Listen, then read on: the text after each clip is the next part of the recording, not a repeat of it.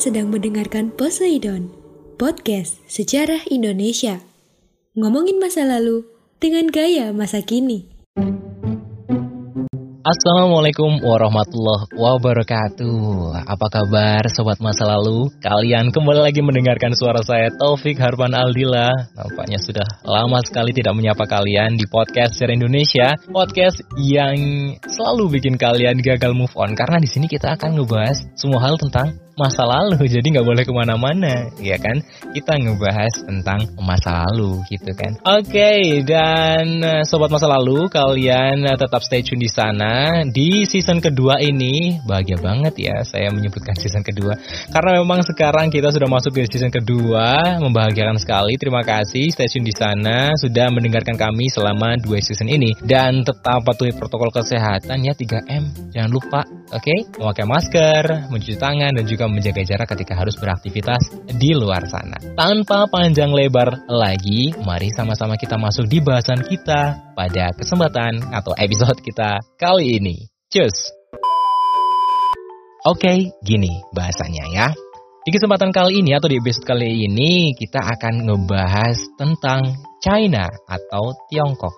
Ada yang sudah pernah pergi ke Tiongkok atau kalian baru bisa bermimpi untuk pergi ke sana? Iya, mungkin beberapa bulan kemarin atau tahun kemarin Tiongkok sempat santer diberitakan karena memang menurut penelitian bahwa virus kita yang sekarang sedang berbak ini berasal dari salah satu wilayah atau provinsi yang berasal dari Tiongkok sana gitu kan. Tapi kita nggak ngebahas itu, kita nggak akan ngebahas banyak tentang itu, kita akan ngebahas tentang revolusi yang kemudian muncul di Tiongkok. Mari sama-sama kita bahas yuk.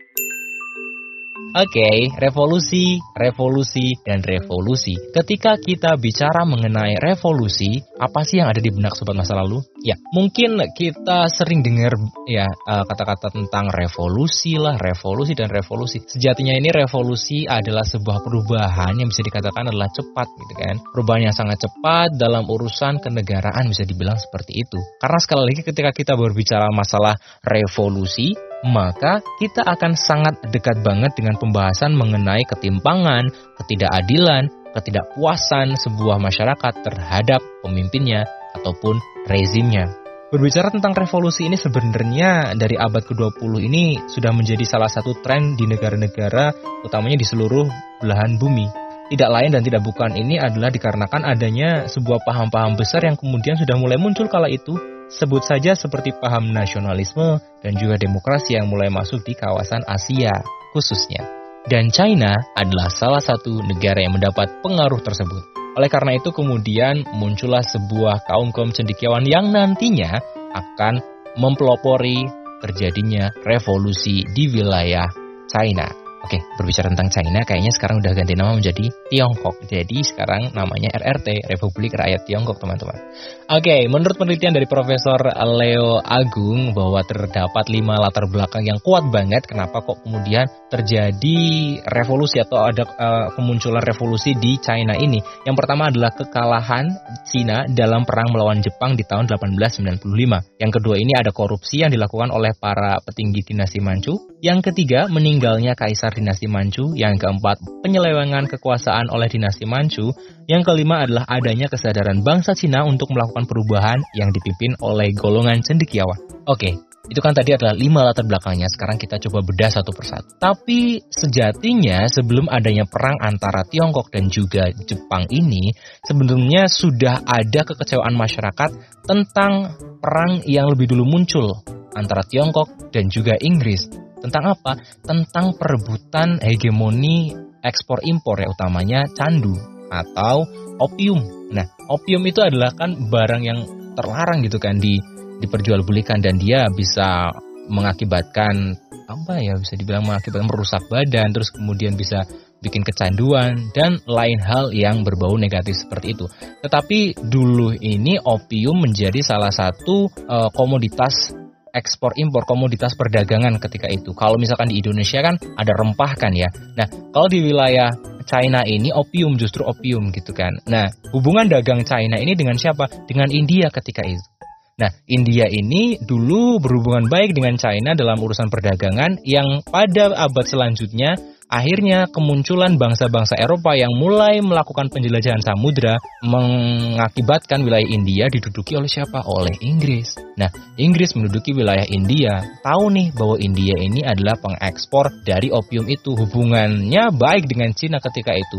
Mereka melakukan kerjasama pengiriman uh, barang dagangannya itu gitu kan. Tapi melihat peluang tersebut, Inggris juga ingin berdagang di China. Inggris juga ingin bagaimana caranya agar opiumnya ini lebih laku terus dikirimkan ke China tapi dengan keuntungan yang lebih besar. Ya mungkin maklum ya namanya juga berdagang gitu kan pengen mendapatkan keuntungan yang setinggi tingginya tetapi tidak ingin rugi gitu kan. Tapi ketika itu sudah mulai adanya uh, hal yang negatif di China. Jadi kelebihan uh, opium yang diterima oleh China ini justru uh, dipandang oleh kaisar itu adalah oleh oke okay, stop sampai di sini karena opium itu nggak baik kita stop jangan ada lagi apa kita mendapatkan opium dengan jumlah yang berlebih kala itu gitu kan. Nah akhirnya uh, kabar itu uh, kabar dari kaisar yang kemudian menutup uh, impor dari opium ini itu tidak diterima dengan baik oleh Inggris. Jadi Inggris tuh nggak diteri, nggak terima gitu kan. Ya ya kepengennya orang yang berdagang itu ya kepengennya untung-untung dan untung karena Inggris ketika itu kepengen juga menancapkan hegemoni kekuasaannya perdagangannya di wilayah China dan memaksa keka, eh, kekaisaran yang ada di situ itu dinasti Manchu ketika itu adalah untuk membuka seluas-luasnya perdagangan uh, bagi pedagang-pedagang Inggris yang ingin uh, berdagang di sana ketika itu gitu kan. Karena kan memang susah banget ketika itu. Lah akhirnya kemudian si kaisar ini tidak memperbolehkan itu. Walhasil karena nggak diperbolehin akhirnya si Inggris ini mereka melakukan apa? Mereka melakukan tetap perdagangan tapi dengan cara apa? Cara menyelundupkan. Jadi opiumnya ini kemudian diselundupkan untuk masuk ke wilayah China. Nah singkat cerita ketika itu, ketika diselundupkan ini ketahuan lah.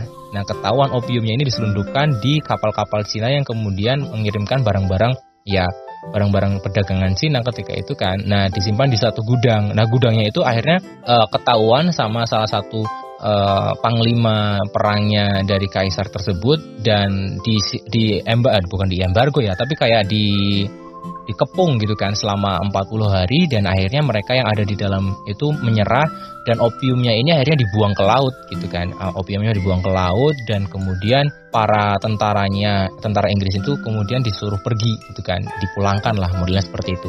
Nah mendengar berita ini kemudian Inggris itu nggak terima gitu kan. Inggris nggak terima dengan apa dia di, uh, Cina dianggap sebagai perusak properti dagang dari uh, si Inggris ini oleh karena itulah akhirnya Inggris ini marah gitu kan. Setelah marah kemudian dia melancarkan serangan justru ketika itu. Akibat serangan ini Inggris e, memberikan perlawanan dengan mengirim armada angkatan lautnya dan berhasil menguasai kota pelabuhan Hong Kong, Kanton, Xiamen, Ningbo, Fuzhou dan juga Shanghai.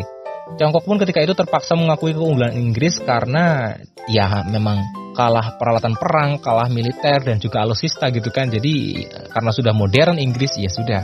Cina akhirnya kalah dan harus melakukan penandatanganan perjanjian Nanjing pada 1842. Ternyata perangnya ini sebenarnya tidak berhenti sampai di situ gitu kan. Perang Candu itu ada dua, dua seri gitu, perang Candu 1 dan perang Candu 2. Perang Candu kedua ini dimulai di tahun 1856 sampai 1860 terjadi perang Candu ini uh, diakibatkan juga ya lagi-lagi tentang perdagangan. Tapi di sini yang ikut lebih lebih banyak gitu kan. Nggak cuma Inggris tapi ternyata ada Amerika Serikat juga dan juga Perancis. Apa sih? Ya lagi-lagi sebenarnya ingin berdagang. Karena ketika itu adalah kaisarnya ini bisa dikatakan sebagai kaisar yang kolot. Kenapa? Karena bangsa-bangsa Barat ini ingin berdagang sejatinya di wilayah China, tapi China nggak mau. Pokoknya perdagangannya dia ya hanya untuk China aja gitu kan. Jadi pernah dengar nggak sih istilah tentang Cina negara tirai bambu? Nah itu mungkin salah satu hal yang bisa kita dapatkan gitu kan bahwa China ini tidak boleh untuk siapa pun. Jadi ya udah kita produksi untuk diri kita dan untuk menguntungkan diri kita gitu kan. Jadi nggak boleh ada orang-orang asing yang ikut campur gitu kan. Uh, rapat banget. Yang maksud dari tirai bambu itu kan berarti rapat banget gitu kan. Jadi nggak boleh ada yang masuk ke sana gitu. Nah, kemudian akhirnya di, di perang candu ini yang kedua juga akhirnya Tiongkok juga harus mengakui keunggulan dari Amerika Serikat, Prancis dan juga Inggris ini gitu kan. Uh, se sebenarnya ya China sudah melakukan banyak perlawanan gitu kan. Salah satunya adalah untuk uh, menenggelamkan atau menghentikan kapal The Arrow milik Inggris ketika itu yang yang mana itu adalah sebuah prestasi bisa dikatakan tapi akhirnya ya mereka tetap kalah alusista dan mereka harus menandatangani Treaty of Nanjing pada tahun 1858 seperti itu. Jadi dua perang inilah yang kemudian akhirnya juga mengakibatkan Tiongkok terpukul gitu kan. Uh, yang mana salah satu isi perjanjiannya ini adalah untuk apa ya bisa dikatakan walhasil di sini ada tiga perjanjian yang kemudian harus dilakukan yang isi dari perjanjian Nanjing tadi kan yang pertama ada lima pelabuhan Tiongkok ini harus dibuka untuk perdagangan asing atau disebut Treaty Ports yang kedua ada Inggris mendapatkan Hong Kong di tahun 1842 dan yang ketiga adalah Inggris mendapatkan hak ekstrateritorial. Jadi wilayah lautnya itu uh, bisa dikatakan ya itu port milik Inggris gitu kan. Ya rugi banget, ya rugi gitu kan. Nah inilah yang kemudian uh, mendorong adanya revol uh, sedikit romantik mendorong adanya revolusi di apa di Tiongkok gitu ketika itu di Cina. Karena apa? Karena ya orang-orang asing akhirnya bisa seenak jidatnya sendiri bisa ke sana kemari gitu kan. Jadi masyarakat sana kenapa sih kok dinastinya sekarang kok lemah banget gitu kan? Pikirannya kan kayak gitu. Jadi mau tidak mau mereka itu harus segera melakukan revolusi. Enggak cuman itu, ternyata sebab selanjutnya diakibatkan adanya perang antara Tiongkok dan juga Jepang di sini. Perang Jepang dan Tiongkok ini bisa dikatakan adalah perang ya masih satu rumpun gitu ya bisa dikatakan seperti itu. Sebabnya sebenarnya Jepang ini ingin menduduki Korea ketika itu dan Korea ini adalah pada dasarnya sebagai negara fasal.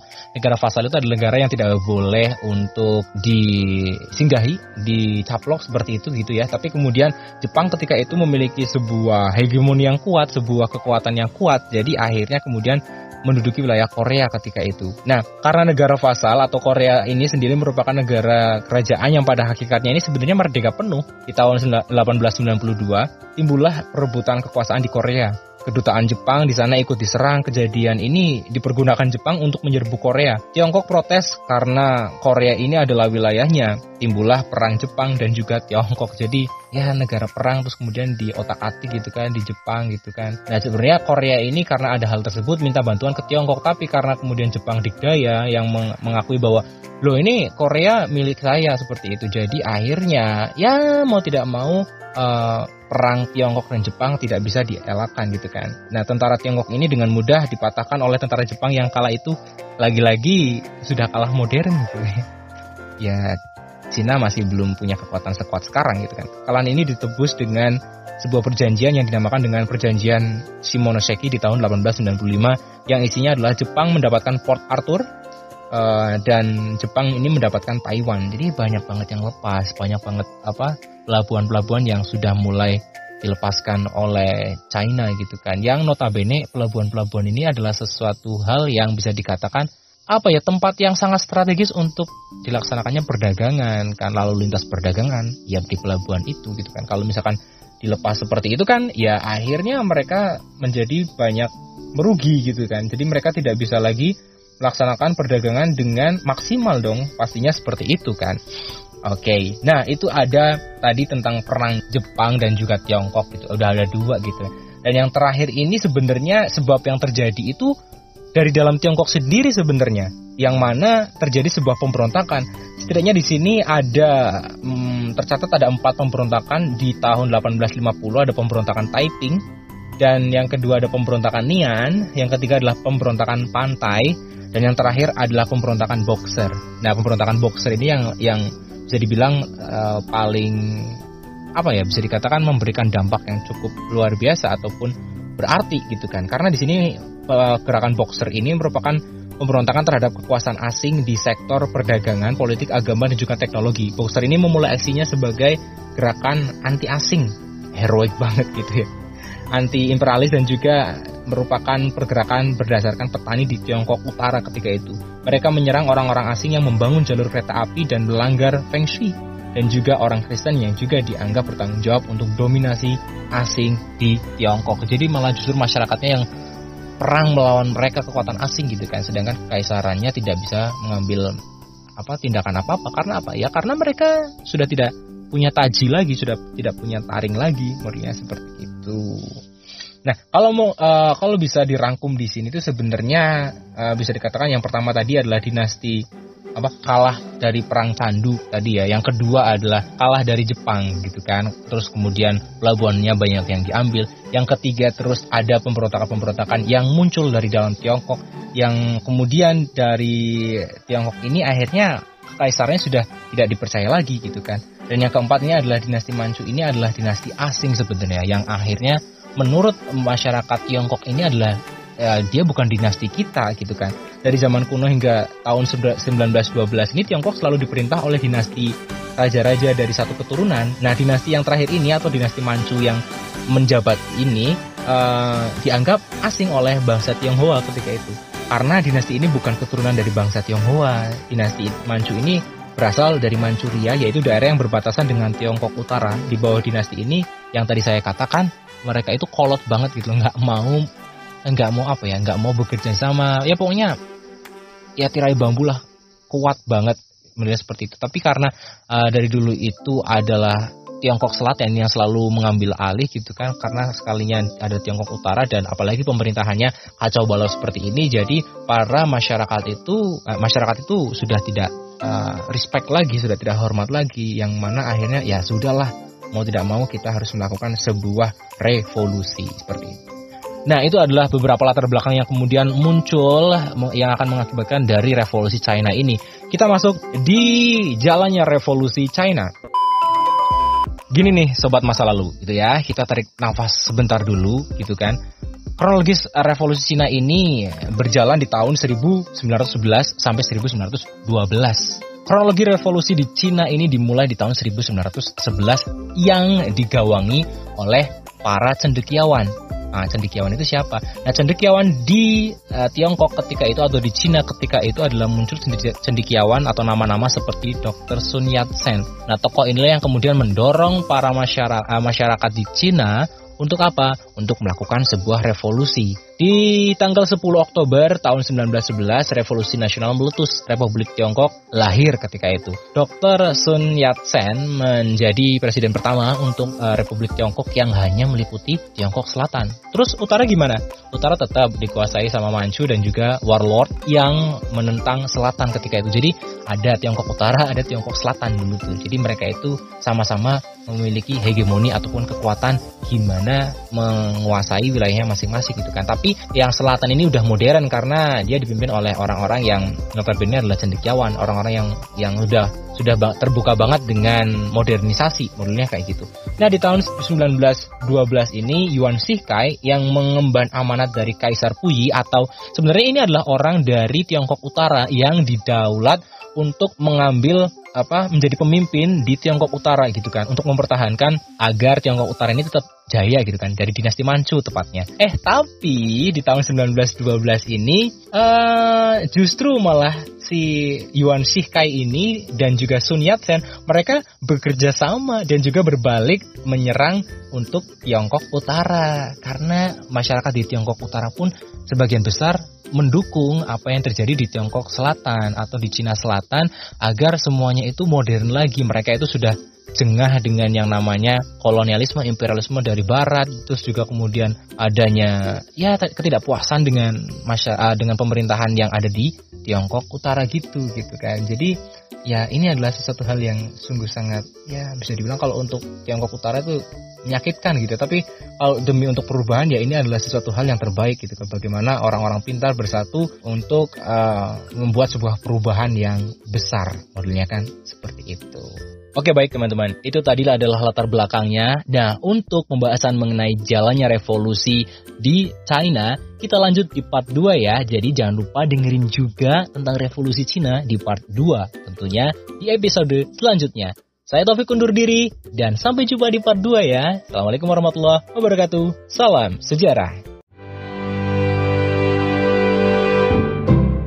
Terima kasih.